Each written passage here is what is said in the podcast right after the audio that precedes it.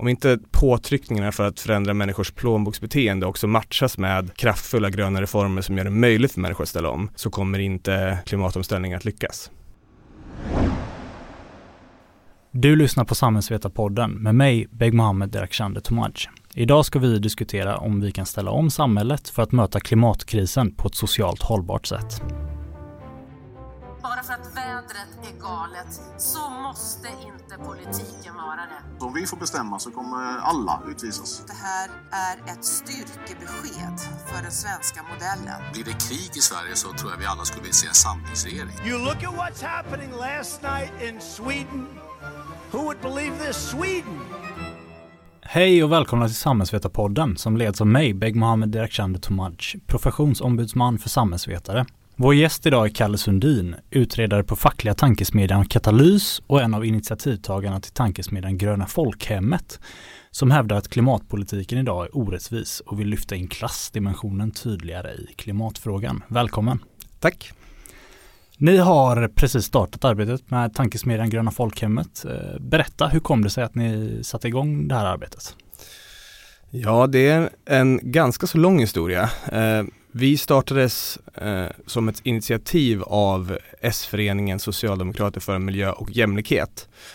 Och i den föreningen så har vi ganska länge funderat på just klimatfrågan i termer av klassperspektiv, jämlikhetsperspektiv och kände väl att vi behövde lyfta det. Eh, man kan väl se det som att vi startade lite som en reaktion på hur dagens klimatdebatt ser ut.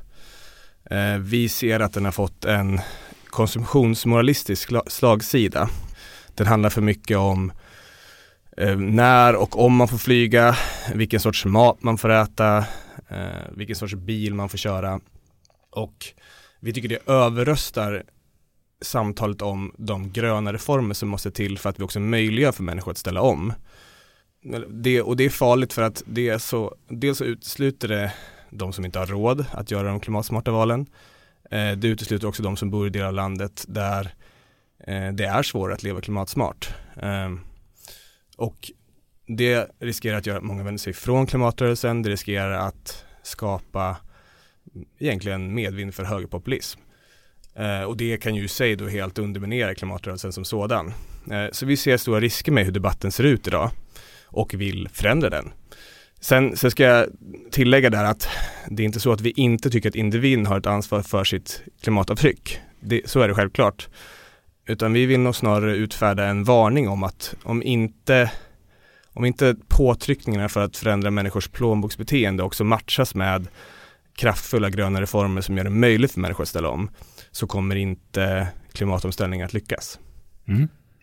Och vi kommer komma in på lite mer på hur man kan utforma det här arbetet för att det ska ske en bra symbios mellan individ och kollektiv. Men jag tänkte att vi tar avstamp i omvärlden eh, och i Frankrike så orsakade ju Emmanuel Macrons föreslagna höjning på drivmedelspriser att proteströrelsen Gula västarna tog till gatorna.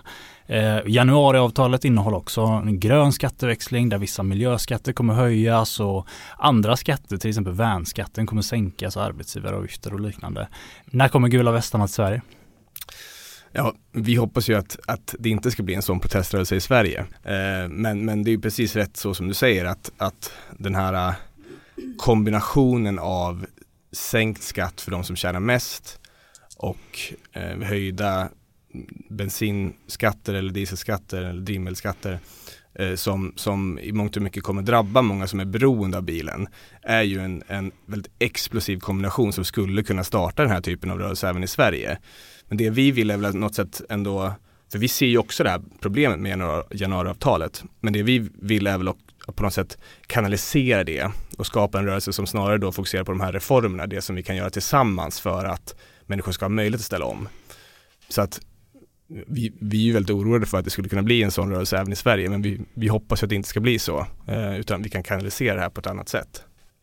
Tror du att det finns eh, potential för en sån rörelse, att den väcks till liv i Sverige? Ja, det finns definitivt ett sånt missnöje som gror och som januariavtalet riskerar att, att eh, sätta igång.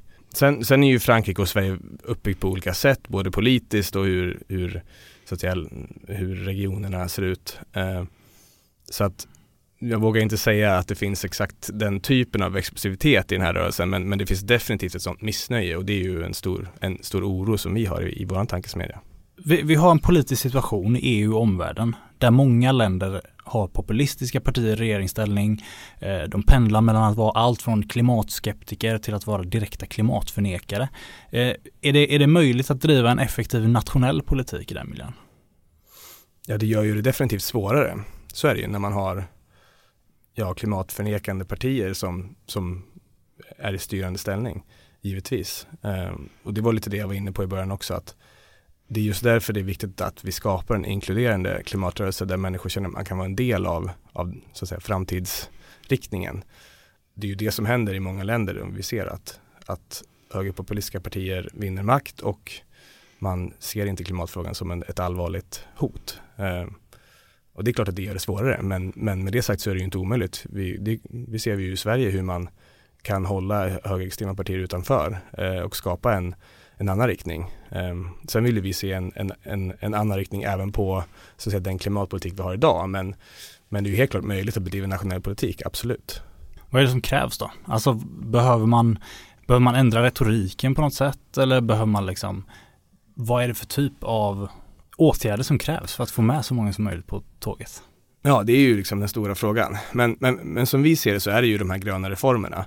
Det vill säga, ja, om, om, jag, om jag bara exemplifierar fritt så är det ju liksom kollektivtrafik i hela landet så människor kan åka eller får andra alternativ till bilen. Det är järnväg som vi behöver, vi behöver fler avgångar, vi behöver punktligare avgångar, vi behöver snabbare avgångar. Eh, vi behöver en större beredskap för extremväder så att människor känner att när eh, och vi vet att det kommer bli mer av det, den varan under när, när klimatförändringarna fortsätter så vet människor att ja, då, då finns samhället där och, och stöttar mig om det skulle hända att mm, det blir en skogsbrand eller ja, mitt lantbruk eh, drabbas av det här. Eh, vi behöver klimatsmarta bostäder. Ja, det finns en lång lista eh, och det är ju den typen av reformer som, som då gör det möjligt för människor att ställa om. Man ser att samhället kommer gå i den här riktningen. Jag kan vara en del av det. Jag behöver inte finansiera det helt själv utan det är någonting som samhället bär gemensamt.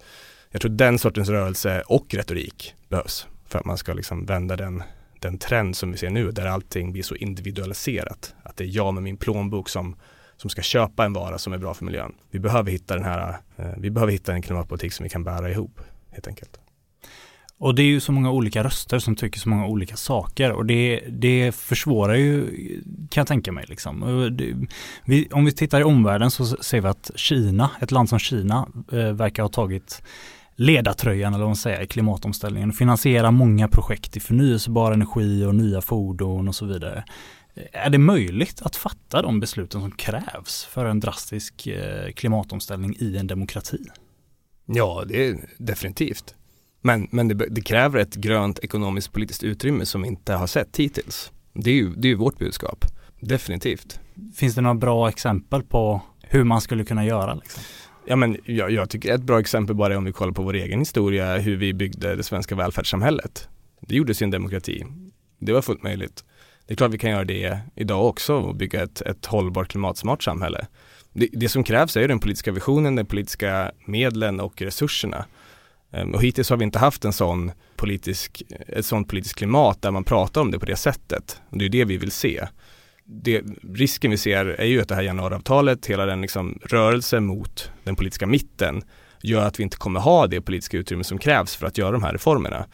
Så att vi ser ju snarare det problemet än just, eller det är där vi tittar, att vi behöver skapa en rörelse som, som går åt det hållet inom det demokratiska samhället såklart. Eh, det är ju liksom hela grunden för att vi ska lyckas med det, är ju att människor känner att man är inkluderad i det här och man blir en del av den rörelsen. Mm. Greta Thunberg har ju inspirerat en hel ungdomsgeneration nu att ge sig ut på gatorna och skolstrejka för att omställningen går för långsamt. Eh, och de kräver genomgripande åtgärder, de kräver det nu. Vad är ert svar till Greta? Ja, att hon har helt rätt. Det finns inget, alltså det är ju en, en fantastisk rörelse som, som som bygger på just en, en probleminsikt som många inte har, som de vill sprida. Eh, alltså jag, eh, jag håller helt med och det vi i våran rörelse eller i våran tankesmedja vill bidra med är väl snarare kanske det här och ekonomiskt politiska perspektivet till det. Att om vi ska klara av att göra det som behövs nu så behöver vi skapa mer resurser för det. Och då kan vi inte ha ett januariavtal som sänker skatten, tar bort värnskatten för de som tjänar mest, som vi vet inte än om det blir någon ordentlig kapitalbeskattning. Vi ser helt enkelt att det här äh, avtalet kommer inte att skapa de pengar som krävs för att vi ska kunna lägga om vårt samhälle och det oroar oss, precis som det gör som, som den politiska klimatet generellt oroar Greta. Så jag tror vi är på samma, samma sida så eh, och att vi bara har lite olika liksom, ingångar på just den, det här äh, vad vi behöver göra nu. Men ungdomarna är ju också lite, de tycker ju ändå att det finns ganska mycket individuellt ansvar i det också skulle jag vilja hävda. Alltså att eh, ja, ledande politiker ska flyga mindre och eh, Gretas mamma Malena Ernman har ju, har ju pratat om hur hon har fått flygförbud till exempel.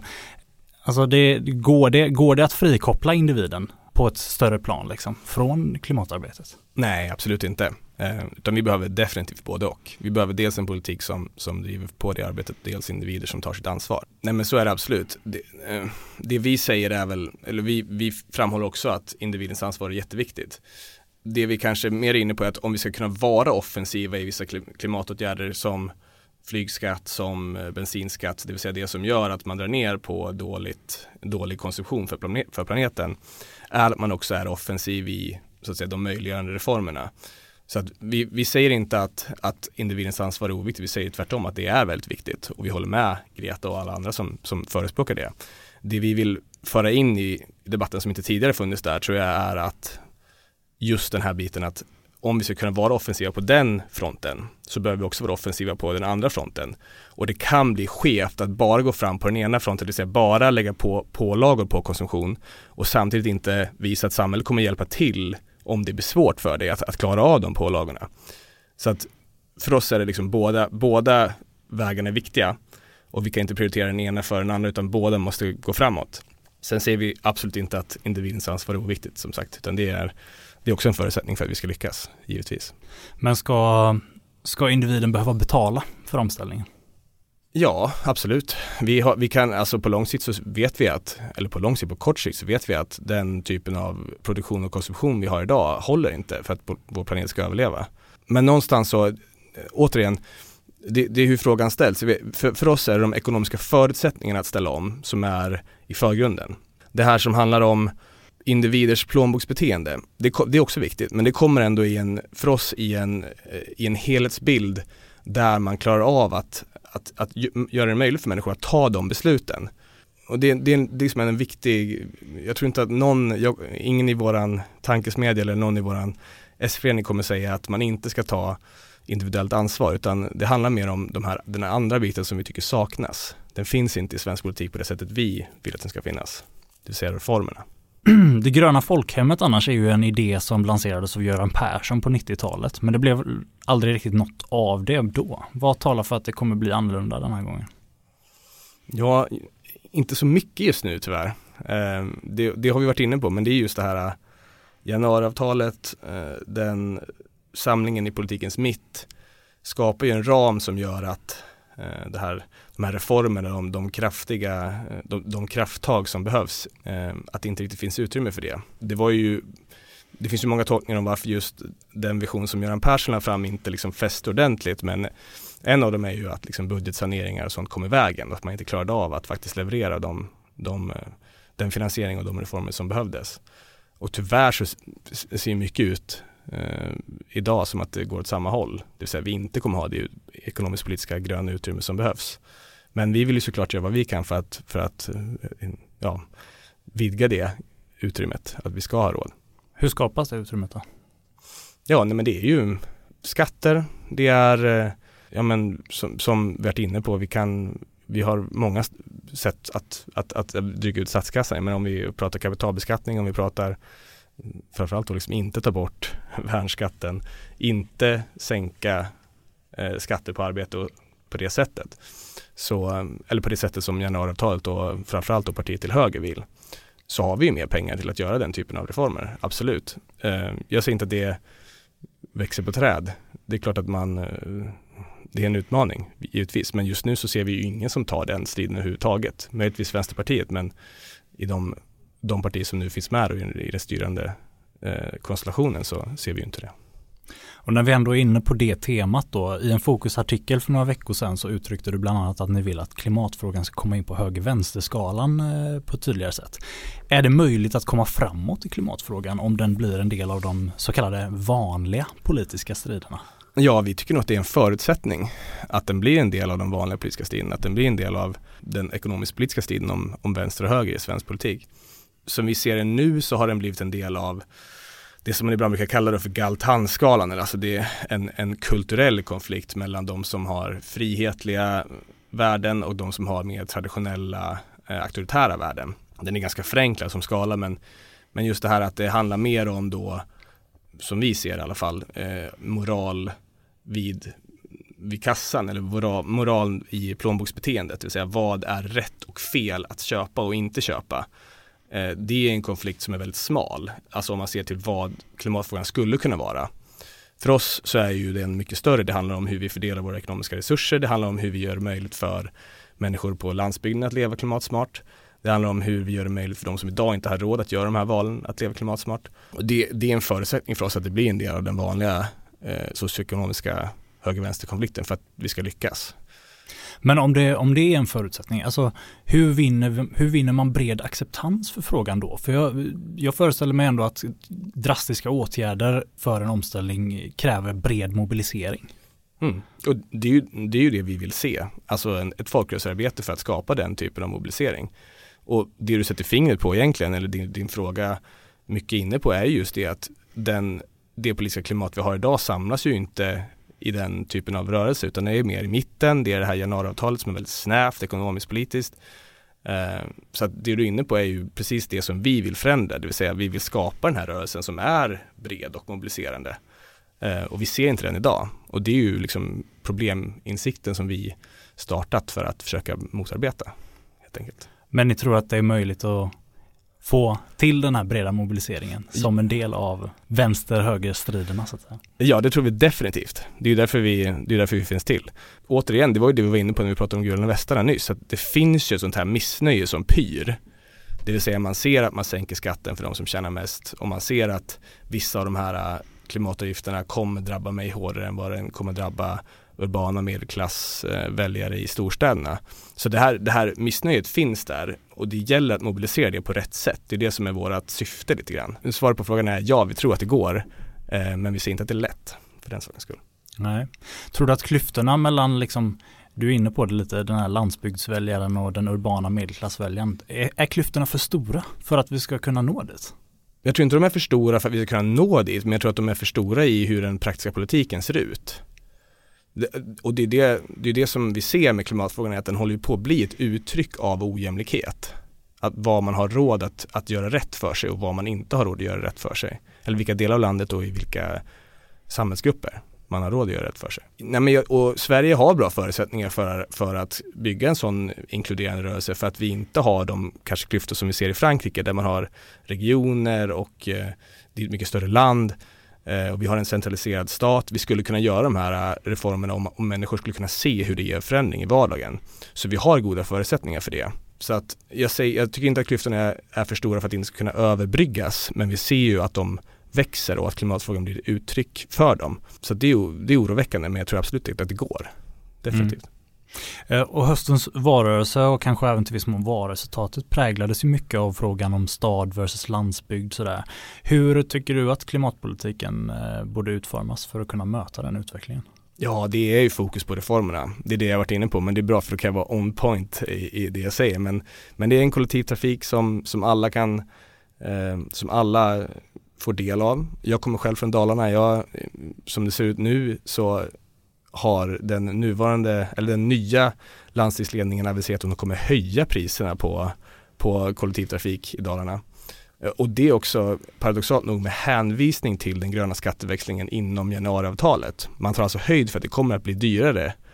Eh, och, och, det, liksom visar ju, det visar ju svart på vitt hur fel det går i den frågan, alltså i kollektivtrafiken. Det behövs nästan ett, ett paradigmskifte tror jag. Jag förstår att om man bor på en ort utanför en, en, en ort, så att säga, eller en mindre ort utanför en, en, en annan ort och det går en eller två bussavgångar per dag, ja, då förstår jag att man inte ser kollektivtrafiken som ett alternativ. Och det här behöver ju politiken förändra om vi ska ha möj, möjlighet för människor att ställa bilen Nu, är, nu finns det ju en, en del i januariavtalet som säger att från, från 2030 ska vi inte sälja nya bensin och dieselbilar längre.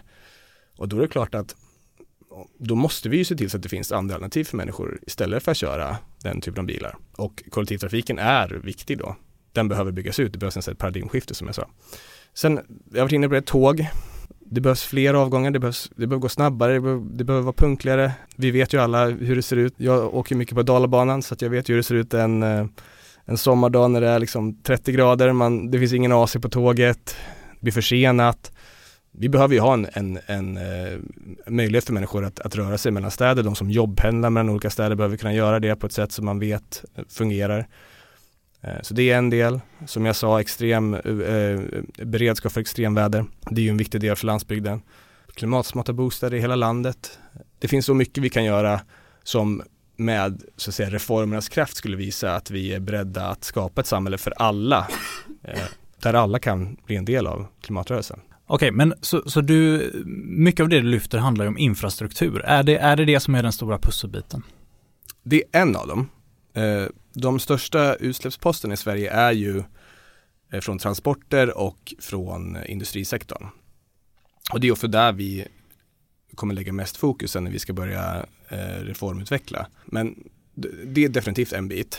Jag tycker att man ska också kolla på just industrisektorn och det är, en, det är en reform som inte har lyft hittills, det vill säga omställningsfonder, forskningssatsningar. Vi ser nu eh, den här forskningssatsningen som görs i, eh, i för, kring att utvinna stål utan kol. Det skulle ju dra ner svenska utsläpp enormt om den lyckas. Sen ska man inte vara, man ska inte så att säga inteckna den vinsten innan den är gjord. Vi måste såklart fortsätta arbetet ändå, men, men det är ju satsningar som staten kan bidra med för att man ska kunna göra det här forskningsarbetet. Samtidigt omställningsfonder inom eh, både industrin då men även liksom transportsektorn eh, där man kan då möjliggöra för företag och eh, eh, ja, även anställda då att ställa om. Göra de satsningar som krävs för att bli mer hållbara utan att det går ut över den ordinarie verksamheten och det är ju någonting som, som staten bör gå in och vara en del av. Alltså gör, se till så att det finns fonder och stöd att, att söka där. Så det, det är viktiga de två, just transport och industri är ju liksom nötar vi behöver knäcka utsläppsmässigt. Så där behöver vi rikta stor fokus då om vi, om vi ska eh, leverera reformer, helt klart. Mm, och du är inne på liksom industrin och vi, vi, har ju, det finns ju mätningar som visar att SSAB, Cementa och Prem eh, själva till exempel släpper ut nästan lika mycket som all biltrafik i Sverige. Eh, jag tänker så här, många av de näringarna som är stora utsläppare de finns ju också på landsbygden. SSAB är i Bålänge liksom och eh, Oxelösund, eh, Cementa i Slite på Gotland, Preem eh, i Lysekil. Eh, beskattar vi dem hårdare eh, så kanske det riskerar jobben i de landsändarna. Eh, vem tycker ni borde betala för omställningen? Hur ska man betala för det? Eh, det verkar nästan som att individerna förlorar på det oavsett om man bor där ute. Mm, ja, men vi, vi säger ju det att vi måste bära den här kostnaden gemensamt. Så är det. Och det innebär både att vi betalar reformer med gemensamma medel men det innebär också att vi faktiskt alla ser hur vi kan minska våra klimatavtryck. Så är det ju. Ja, men det var det jag var inne på lite grann att det här, vi behöver omställningsfonder, vi behöver möjligheter för människor att ställa om. Och det kan vi skapa genom gemensamma medel, genom politik, inte genom konsumtionsbeteende. Så, att, så att den rollen behöver vi ta. Vi behöver göra det möjligt för företag att eh, ställa om sin produktion för att bli mer hållbar. Vi behöver göra det möjligt för människor att ställa om sin yrkesbana om man vill byta. Och det är ju liksom en trygghet, det är en trygghetsfaktor. Det ska, det ska, det ska Sverige klara av att, att skapa den tryggheten för människor. Annars kommer vi inte klara det här. Annars kommer folk vända sig ifrån klimatrörelsen, ifrån den gröna strukturomvandlingen och se det som ett hot. Och politikens uppgift är att se till att det inte blir det hotet utan att vi klarar av att göra det och att vi gör det ihop.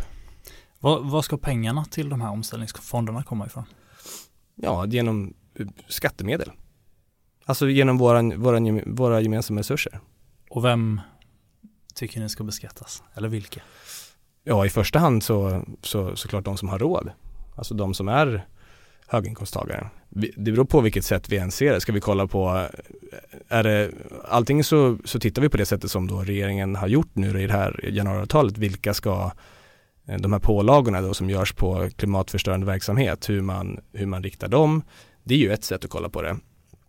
Men också bara hur vi generellt fördelar. Vi har RUT och ROT, vi har massa olika bitar som, som, som ger då vissa som, som verkligen har råd att ställa om subventioner. Men vi skulle kunna använda dem till att istället fokusera på att skapa eller göra reformer och skapa en samhällsstruktur som gör det möjligt för andra att ställa om i olika delar av landet. Så det handlar om prioriteringar.